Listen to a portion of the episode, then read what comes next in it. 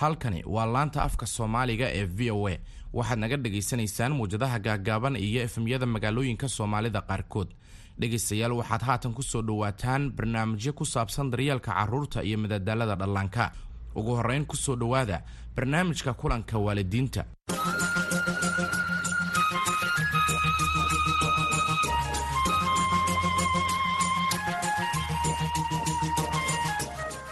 kulanti wacan oo wanaagsan. Waa mar kale iyo barnaamijkeena kulanka waalidiinta. Barnaamijkan dhagaysta waxaan kugu siinaa nasiixooyin iyo talooyin wax ku ool ah oo ku aadan waalidnimada ugu wanaagsan iyo sida aad u siini karto carruurtaada bilowga ugu wanaagsan ee nolosha. Guryooyin badan oo ka mid ah guryaha soomaalida ayaa isticmaalka jaadka iyo darogooyin kale inta badan lagu arkaa. Carruurta lagu soo barbaariyey guryahaasi oo kale ayaa sanadooyin badan la kulmaa saameyn maskaxadeed mid jireed iyo dareeneed intaba isticmaalka daroogada misbajaadka ayaa inta badan burburisaa awoodda waalidka ee daryeelida carruurta iyo waxay sidoo kale carqaladaysaa bixinta goob badbaadsan iyo jawi daryeelsan ee carruurta u saamaxa inay horumaraan tani ayaa waxay u horseedi kartaa khatar halis ah carruurta waalidiintooda isticmaala daroogada misebajaadka ee inay wajahaan saamayn jireed iyo shucuureed intaba iyo sidoo kale saamayn weyn ee qoto dheer oo markaasi ay wajahi karaan noloshooda intaba. Haddii aanan daweynin oo daba loo heli waayo isticmaalka daroogada waxay sababi kartaa inuu qoys burburo wadahadalka isgaarsiineed ee qoyska u xumaado dhaqaale xumid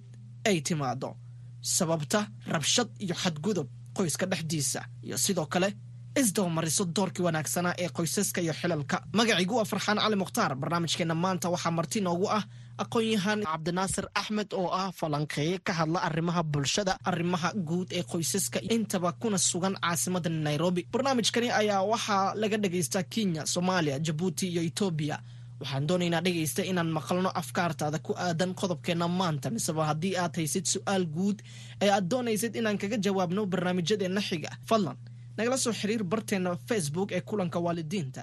Miseba fariin noogu reeb whatsappka. Lambarka iyagana waa balas labo shan afar toddoba saddex labo eber saddex labo toddoba saddex sagaal. Waan kaga fadhinaa afkaartaada dhegayste. Carruurtaada u diyaari inay dhegaystaan barnaamijka siseme sheeko sheeko oo hadda inoo xiga barnaamijkani. Maanta waxaa ka mid ah waxyaabaha ay ku maqli doonaan barnaamijka siseme sheeko sheeko.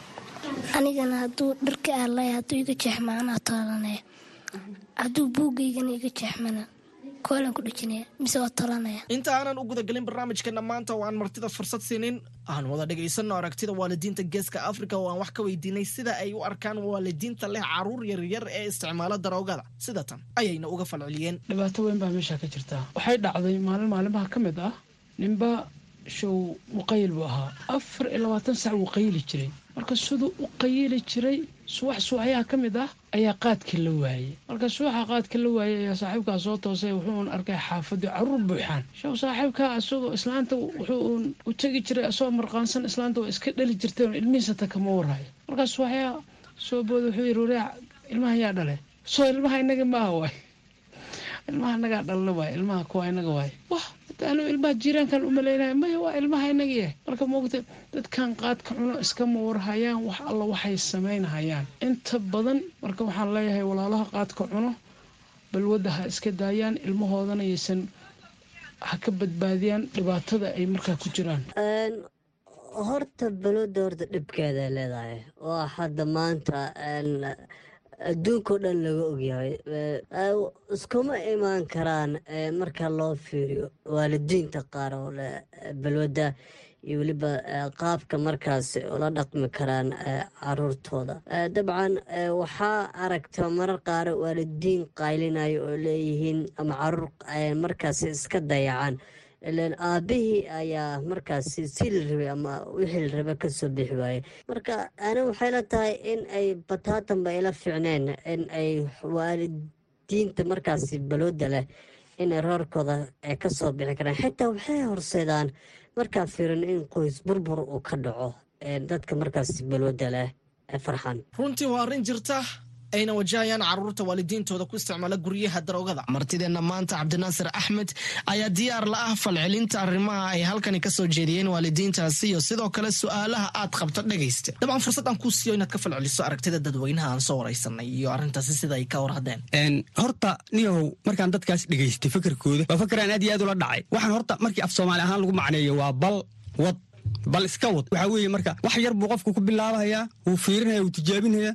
wuu la qabsanhayaa. Wax kaluu ku sii deehayaa wuu ku sii fidhayaa. Wuu sii soconhayaa way la fogaanaysaa marka. Ujeeddada erayga waxaa weeye balwad waa balwad saasuu wuxuu ku noqday balwad guud ahaanna balwadu noocay doontaba ha ahaato. Ha ahaato tubaako inta la geliyo ha ahaato qaad la cuno khamre la cabo balaayiyo hoog xashiish la cabo walaa sigaar walaa midii kale maxay ahayd dhuqdhuqdhuqdhuq ay ka siinayeen tuubada lahayd. Waxoo dhan markii laysku daro waa waxaan aad iyo aad u wanaagsanayn waana wax liita oo nolosha bini'aadanka ku ah daciifnimo iyo maaragta hoosu dhig ku ah baaba'na u geysan kara qoysas badan iyo dad badan noloshooda keeni kara carruur lunto oo bilaa waalid noqota keeni kara dhaqaala daro waan la qabaa fikirkaas inay balwaddu ay tahay cudurka keli ah ee maanta bulshada soomaaliyeed ugu sarreeya kuna faafay ee ilaa tan iyo cidhib galay. Waa tahay siday u saamaysaa balwadda waalidiinta carruurta yaryari. Hadda ka hor waxaa jirtay maahmaaha aan maqli jiray oo waxaa la yidhi maaragtay nin walo wixii aabbaha dili ka yaab. Tusaalaan ku siinhayaa lacalla ninkii qaad buu qaatay carruur yaryar baa u joogtay gurigiisii uu fadhiistay sigaar buu inta dhigtay islaantii shaah bay u soo karisay. Caruurtiisii waa kuwan way ag fadfadhiyaan isaguna wixii buu cunahayaa ilmihii waa ilmo yaryar maxaa diidahaya marka horta kowba ilmuhuba ilmaha laftiisu inuu ilmo asxaabulmarqaana noqdo maxaa diidahaya waa kow haddii aabbahaa uu yahay mid maalin walba intuu kitaab soo qaato qur'aana akhriya oo markaa dugsiga ka imaata ku dhaha maxaa laguu soo dhigay? Kaale kuu mariya suuradda. Iyo akhlaaqda iyo dhaqanka kuu sheega. Dee waxaad ahaanaysaa nin dhaqankii aabbihii raacay inaad noqoto waxba kuuma jirto. Laakiin haddii aabbahaa qaadu yaalla inta oo geedka uu tuuro intaad qaadato aad diirato. Hadduu doono afka kuu geliyo maxaa diidaya inaadna biri qayisho waa maxay saamaynta dhow iyo tan fog ay markaasi balwada waalidiinta ay ku leedahay carruurta? Balwadda dhow haddaan ka soo qaadno saamaynta ay ku leedahay waxaa weeye ninkii waxaa laga yaabaaba inuu uu neerfoosta yahay oo ilmihii laayaba oo uu dilaba. Waa saamaynta dhow. Marka ilmihii waxay noqonayaan ilmo aabbahood iska hurdo. Dee inay ag seexdaan waxba ma diidayso iyaguna ayna waxba aadin. Waa kow waa saamaynta dhow.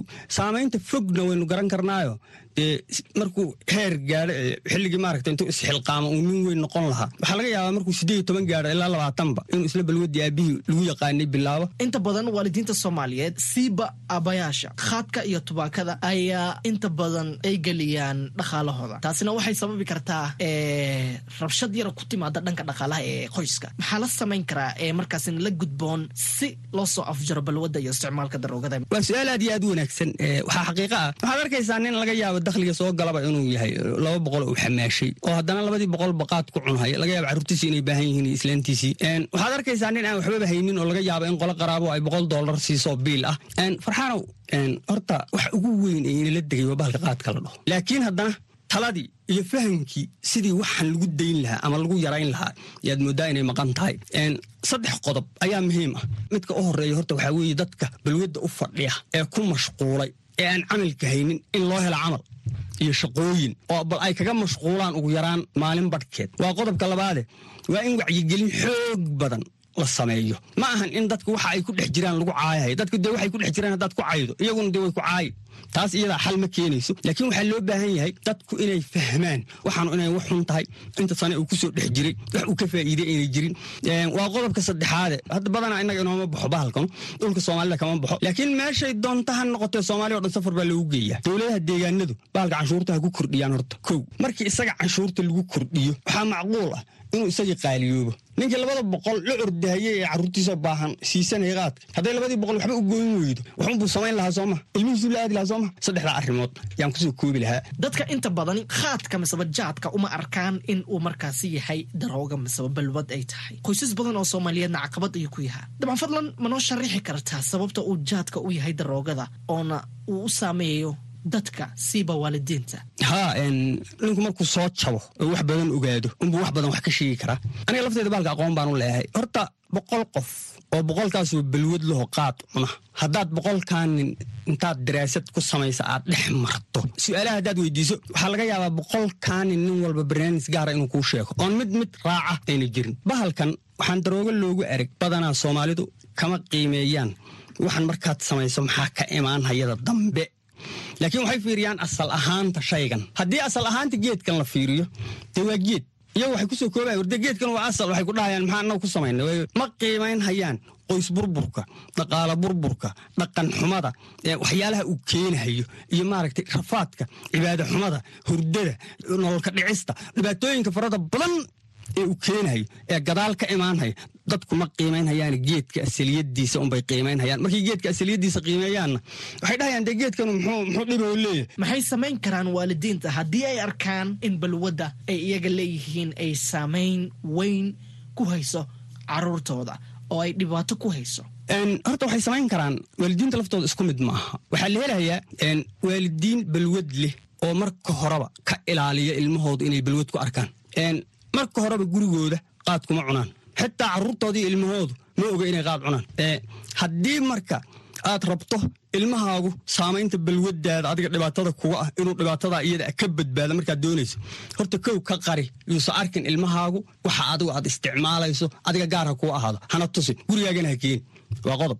Waa qodobka labaade ilmahaaga u sheeg waxa balwadda la dhaho hadda adugu adiga kugumayna arag inayna fiicnayn ila adigu ad ogta wixii baad ku dhex jirtaa waa tahay haatanna dhankaas iyo dhegaystayaasha fikradahooda iyo su'aalahooga ee ku aadan qodobkeena maanta. Dhegaystahani dalkaasi kenya waxa uu leeyahay magaciisu ma uusan sheegin waxa uu leeyahay xiriirka caruurtayda iyo xaaskayga aan la lahaa ayaa si weyn isku bedelay kadib markii aan iska istaajiyey oo ka joogsaday isticmaalkii ee balwada ahayd ee jaadka hadda waxaan leeyahay oo aan yeeshay wakhti fiican oo aan markaasi kula qaato guriga caruurtayda iyo xaaskayga. Dhegeysta markaasi waxa uu leeyahay taasi marka malas dhihi karaa waxay tahay mid ku dayasho mudan. Ee ay ku dayani karaan waalidiinta balwada leh waa mid ku dayasho mudan in aad ilmahaaga iyo heerkaaga iyo qoyskaaga aad wakti la qaadanayso. Dee haddaad iska daysay baasha oo kuwa kale intay hadda ku dhex jiray ilmahoodii heerkoodii wakti u waayayo ay haddii ilahay kuusama ogol yahay iska daayaano sidaadoo kale inta ay carruurtoodii heerkooda ay wakti la qaataan sida aduguba heerkaaga ilmahaaga wakti ula qaadato xaq bay u leeyihiin wayna kaaga dayan karaan. Iyagana waxaan leenahay allah waafajiyo inay iska daayaan arrintaa iyada ah. Dhegeystaani axmed waxa uu nagala soo hadlay soomaaliya waxa uu leeyahay. Dadka leh balwada sida jaadka isticmaala waxay yihiin kuwa ku xadgudba inta badan qoyskooda inta badanna rabshad iyo buuq leh ku dhex jira mar walba. Taasi run miya maxaana sababa? Haa badana nin baa wuxuu iiga sheekaynhayey waa nin dara walahon saaxiib nahay. Waxaan ku yidhi wareedhe marka wuxuu wadaa gaari gaariga qaad baa saaran. Marka waxaan ku yidhi warkaale adiga qaadka waad qaadaa ma cuntaa. Wuxuu yidhi maya ma cuno sabab haddii walaal waad bu ku dhex jirtaa sababtaad u cuni maxay tahay? Wuxuu yidhi haddii aan afka saaro gaariga isteerinkiisa anuu hayoo wada yaa waxaa macquul u yidhi inaan gaariga ka degto inaan degtaba. Hadda gaariga wadaa ogeysaa isteerinkaaye inuu ka degtaa macquula waa halistaasuu gelinaya. Wuxuu kaloo yidhi markaan cuno hal hadal xitaa gaariga guuxiisa hiida uma dulqaadan karu yidhi.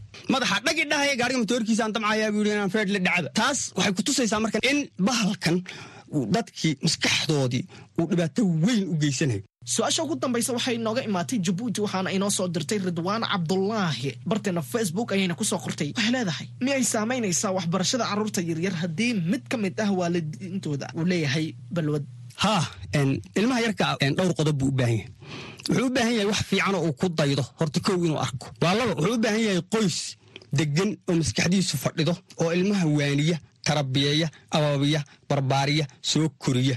Ayaa loo baahan yahay inuu ka dhasho ilmuhu haddii qoyskii qoys balwadeed uu noqdo oo laga yaaba islaantii odaygii inay isdilhayaan isfeerhayaan isku buuqahayaan dagaal ka dhexeeyo odaygii haddii la kuusama ogolya uu marqaansan yahay horyaa car hadla leey ilmihiina uu u baahan yahay in iskuulkiisii la ogaado in dugsi qur'aankiisii la ogaado in caanihiisii la ogaado in korintiisii la ogaado in tarbiyadiisii la ogaado in akhlaaqdiisii la ogaado. Waxaasoo dhan buu ilmihii u baahan yahay.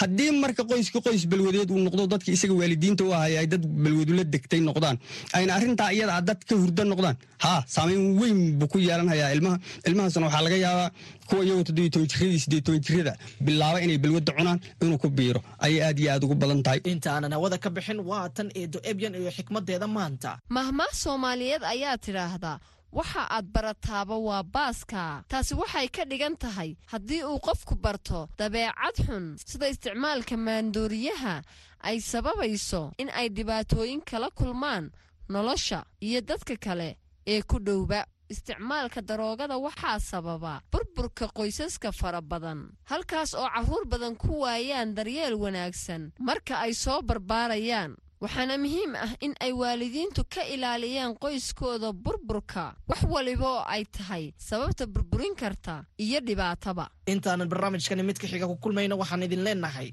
Macsalaam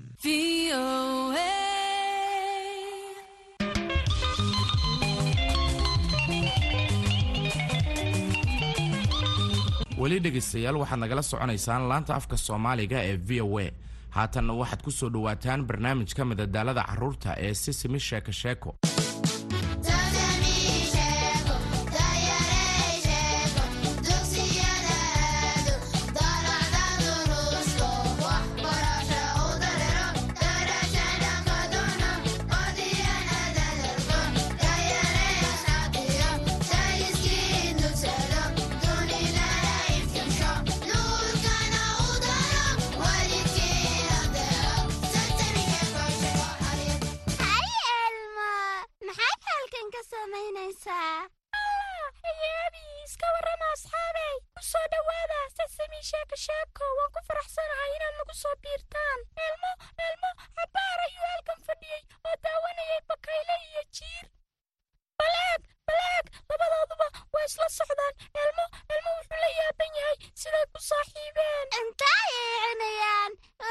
wada sheekaysanayaan sida ay asxaabta sameeyaanba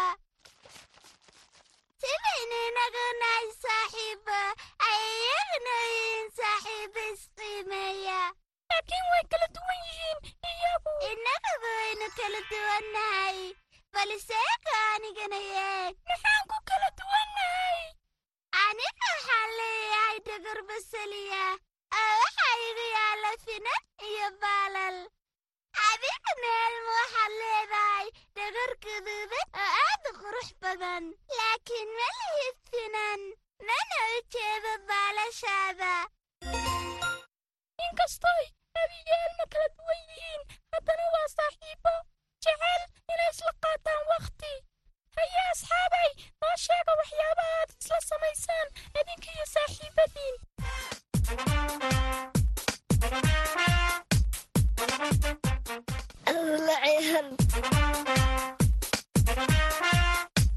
sheeko ciyaal iyo sheeko xariir waan isla ciyaarnaa waan sheekaysanaa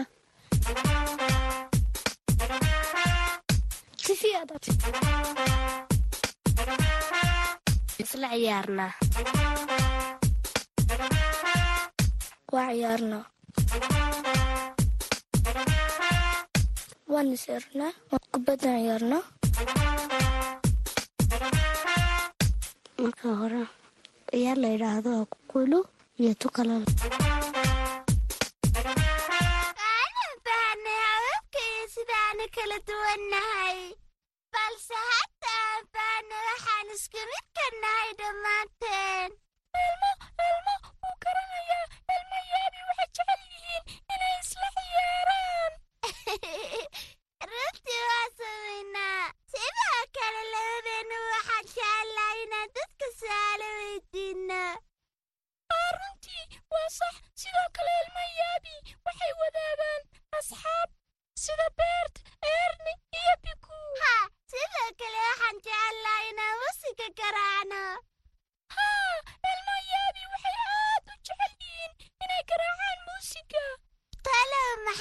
kaloon jecel lahay haa sidoo kale abiyo waxay jecel yihiin inay saxabka tumaan. Haa waa saxan tahay. Aan wada sacbinno hal mar. Bal fiiri sidaa isku midka u nahay oo haddana kala duwannahay sidaasay tahayna weli saaxiiba ayaan nahay. Hadda waan fahmay sida bakaylaha iyo jiirku ku saaxiibeen waxaan qabaa su'aal waa naxay siyaabaha kale ee saaxiibada isku mid ku yihiin ama ay ku kala duwan yihiin wah wah waa su'aal aad u fiican eerni ayaa inooga jawaabi doonaa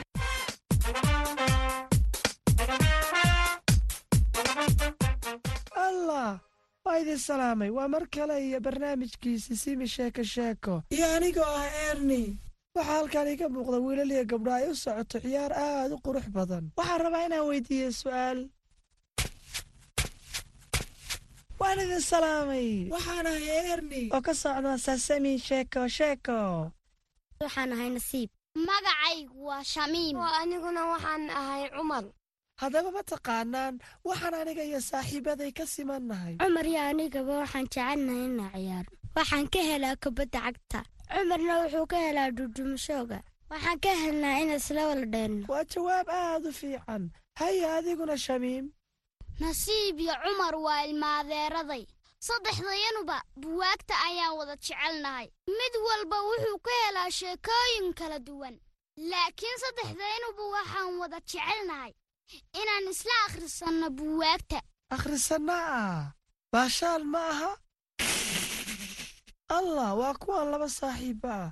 Balaan weydiiyo maxaad ka siman tihiin ama aad ku kala duwan tihiin? Anigu waxaan ku hadlaa laxjadda waqooyiga. Saarna waxay ku hadashaa laxjadda koonfurta.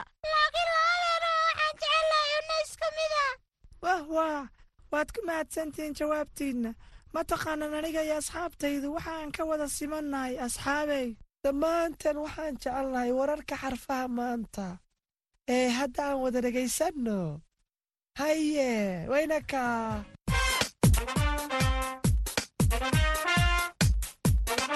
aydin salaami asxaabta sharafta leh.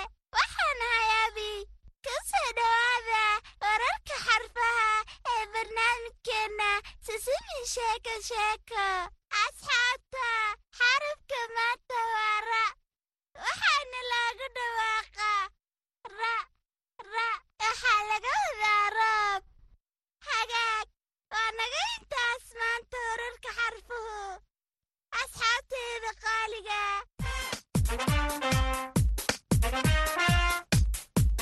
Haye asxaabta maxaa kaloo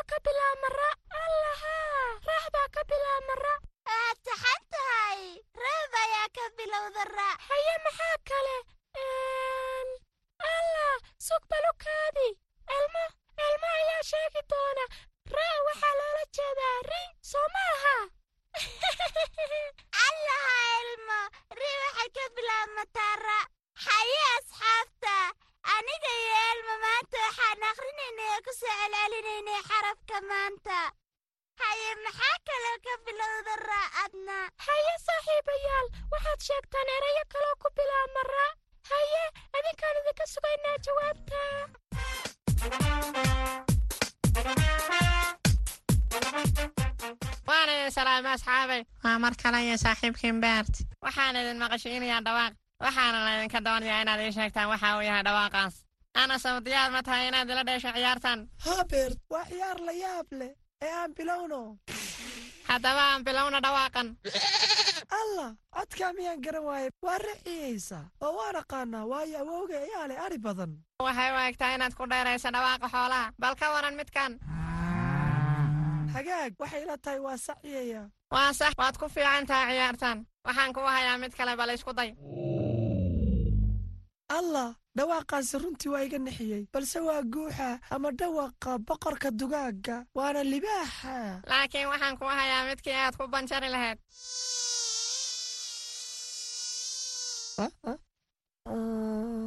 Waa kaneeco. Waa inaan shabaqa ka galnaa haa ma qiyaas xumid waad ku mahadsantaa ciyaartaad ila dhashay. Iga durgaan kaneecada ka soo gale. Carruuray waa idin salaamay. Ma nabadba waxaanahay ilmo hooyadiis. Maanta waxaan idiin qaadi doonaa hees aad u macaan. Ma la socotaa mararka qaarkood waxaa dhaca in aad kala duwanaataan asxaabta? Ama aad isku mid noqotaan? Haddaba heestaydu waxay ka hadlaysaa qadarinta sinnaanta iyo kala duwanaanshaha waxaana filayaa in aad ka heli doontaan ee aan isla heesno adduunkeenna kala duwan wejiyadeenna kala duwan muuqaalkeenna kala duwan gayigeenna kala duwan wax walbaana kala duwan muuqaalkeenna kala duwan gayigeenna kala duwan wax walba kala duwan makhluuqaa isku miida dadka kala duwan. Dunideennan quruxsan oo haddana kala duwan. Intaan dul joogno waayaa noo kordhaaya si kastay ahaato ogsoonaada asxaabay sinaanta iyo kala duwanaanta. Haddaysan ahayn qoyskeenna ama qof u dhashay dalkeenna haddaba ogsoonaada weli waa asxaabteenna waa asxaabteenna oo ogsoonaada carruuray ogsoonaada waa asxaabteenna ogsoonaada weli waa asxaabteenna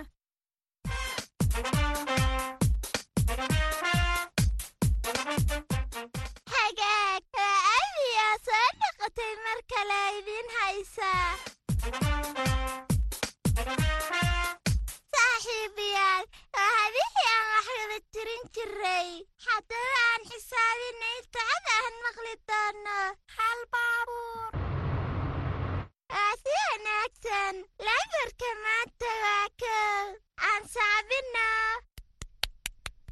kow waa naga intaas lambarka maanta haya asxaabta ma maqasheen lambarka maanta wuxuu yahay waa lambar kow shaqo waxaan asxaabta.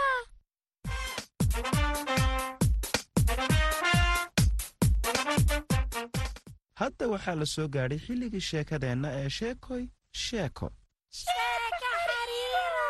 Diyaar ma u tihiin sheekada?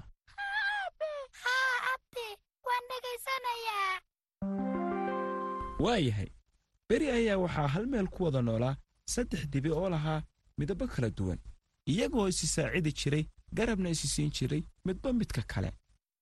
Waxay kala lahaayeen midabada madowga casaanka iyo midabka cad. Sidoo kale waxaa deris la ahaa oo garab deganaa libaax oo waxaad og tihiin libaaxu inuu inta badan jecel yahay ugaarsiga. Haabe ilma inta badan telefishanka wuxuu ka daawadaa libaax ugaarsanaya xayawaan kale. Abdi libaaxuma wuxuu isku dayay inuu ugaarsado dibiyada?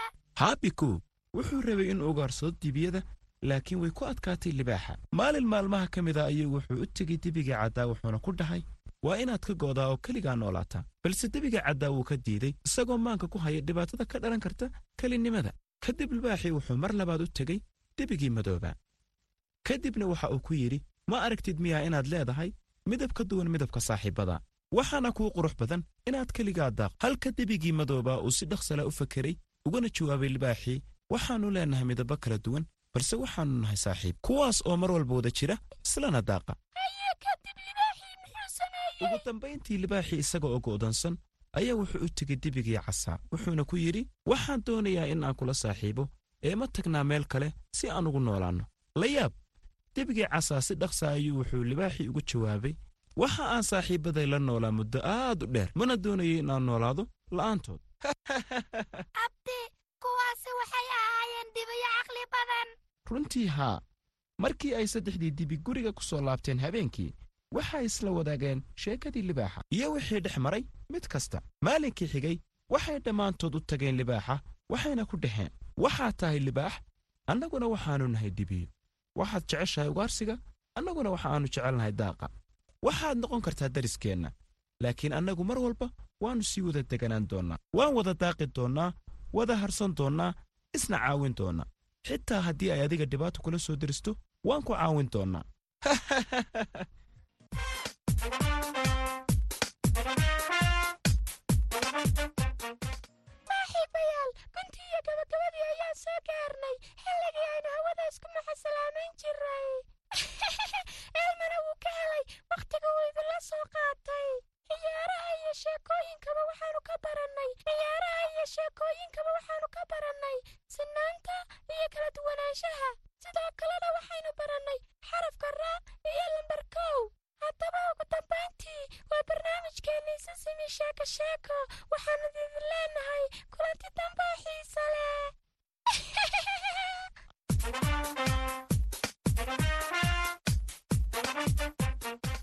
nasiixada maanta waalidiinta qaaliga ah. Waalid ahaan waxaan fahansiin karnaa carruurteenna in dadka aanay isku mid wada ahaan karin. Laakiin in aan baran karno oo ka heli karno barashada waxaa lagu kala duwan yahay. Waxaad carruurtaada kala tashan kartaa sida ay wax u arkaan iyo fikradahooda ku aadan.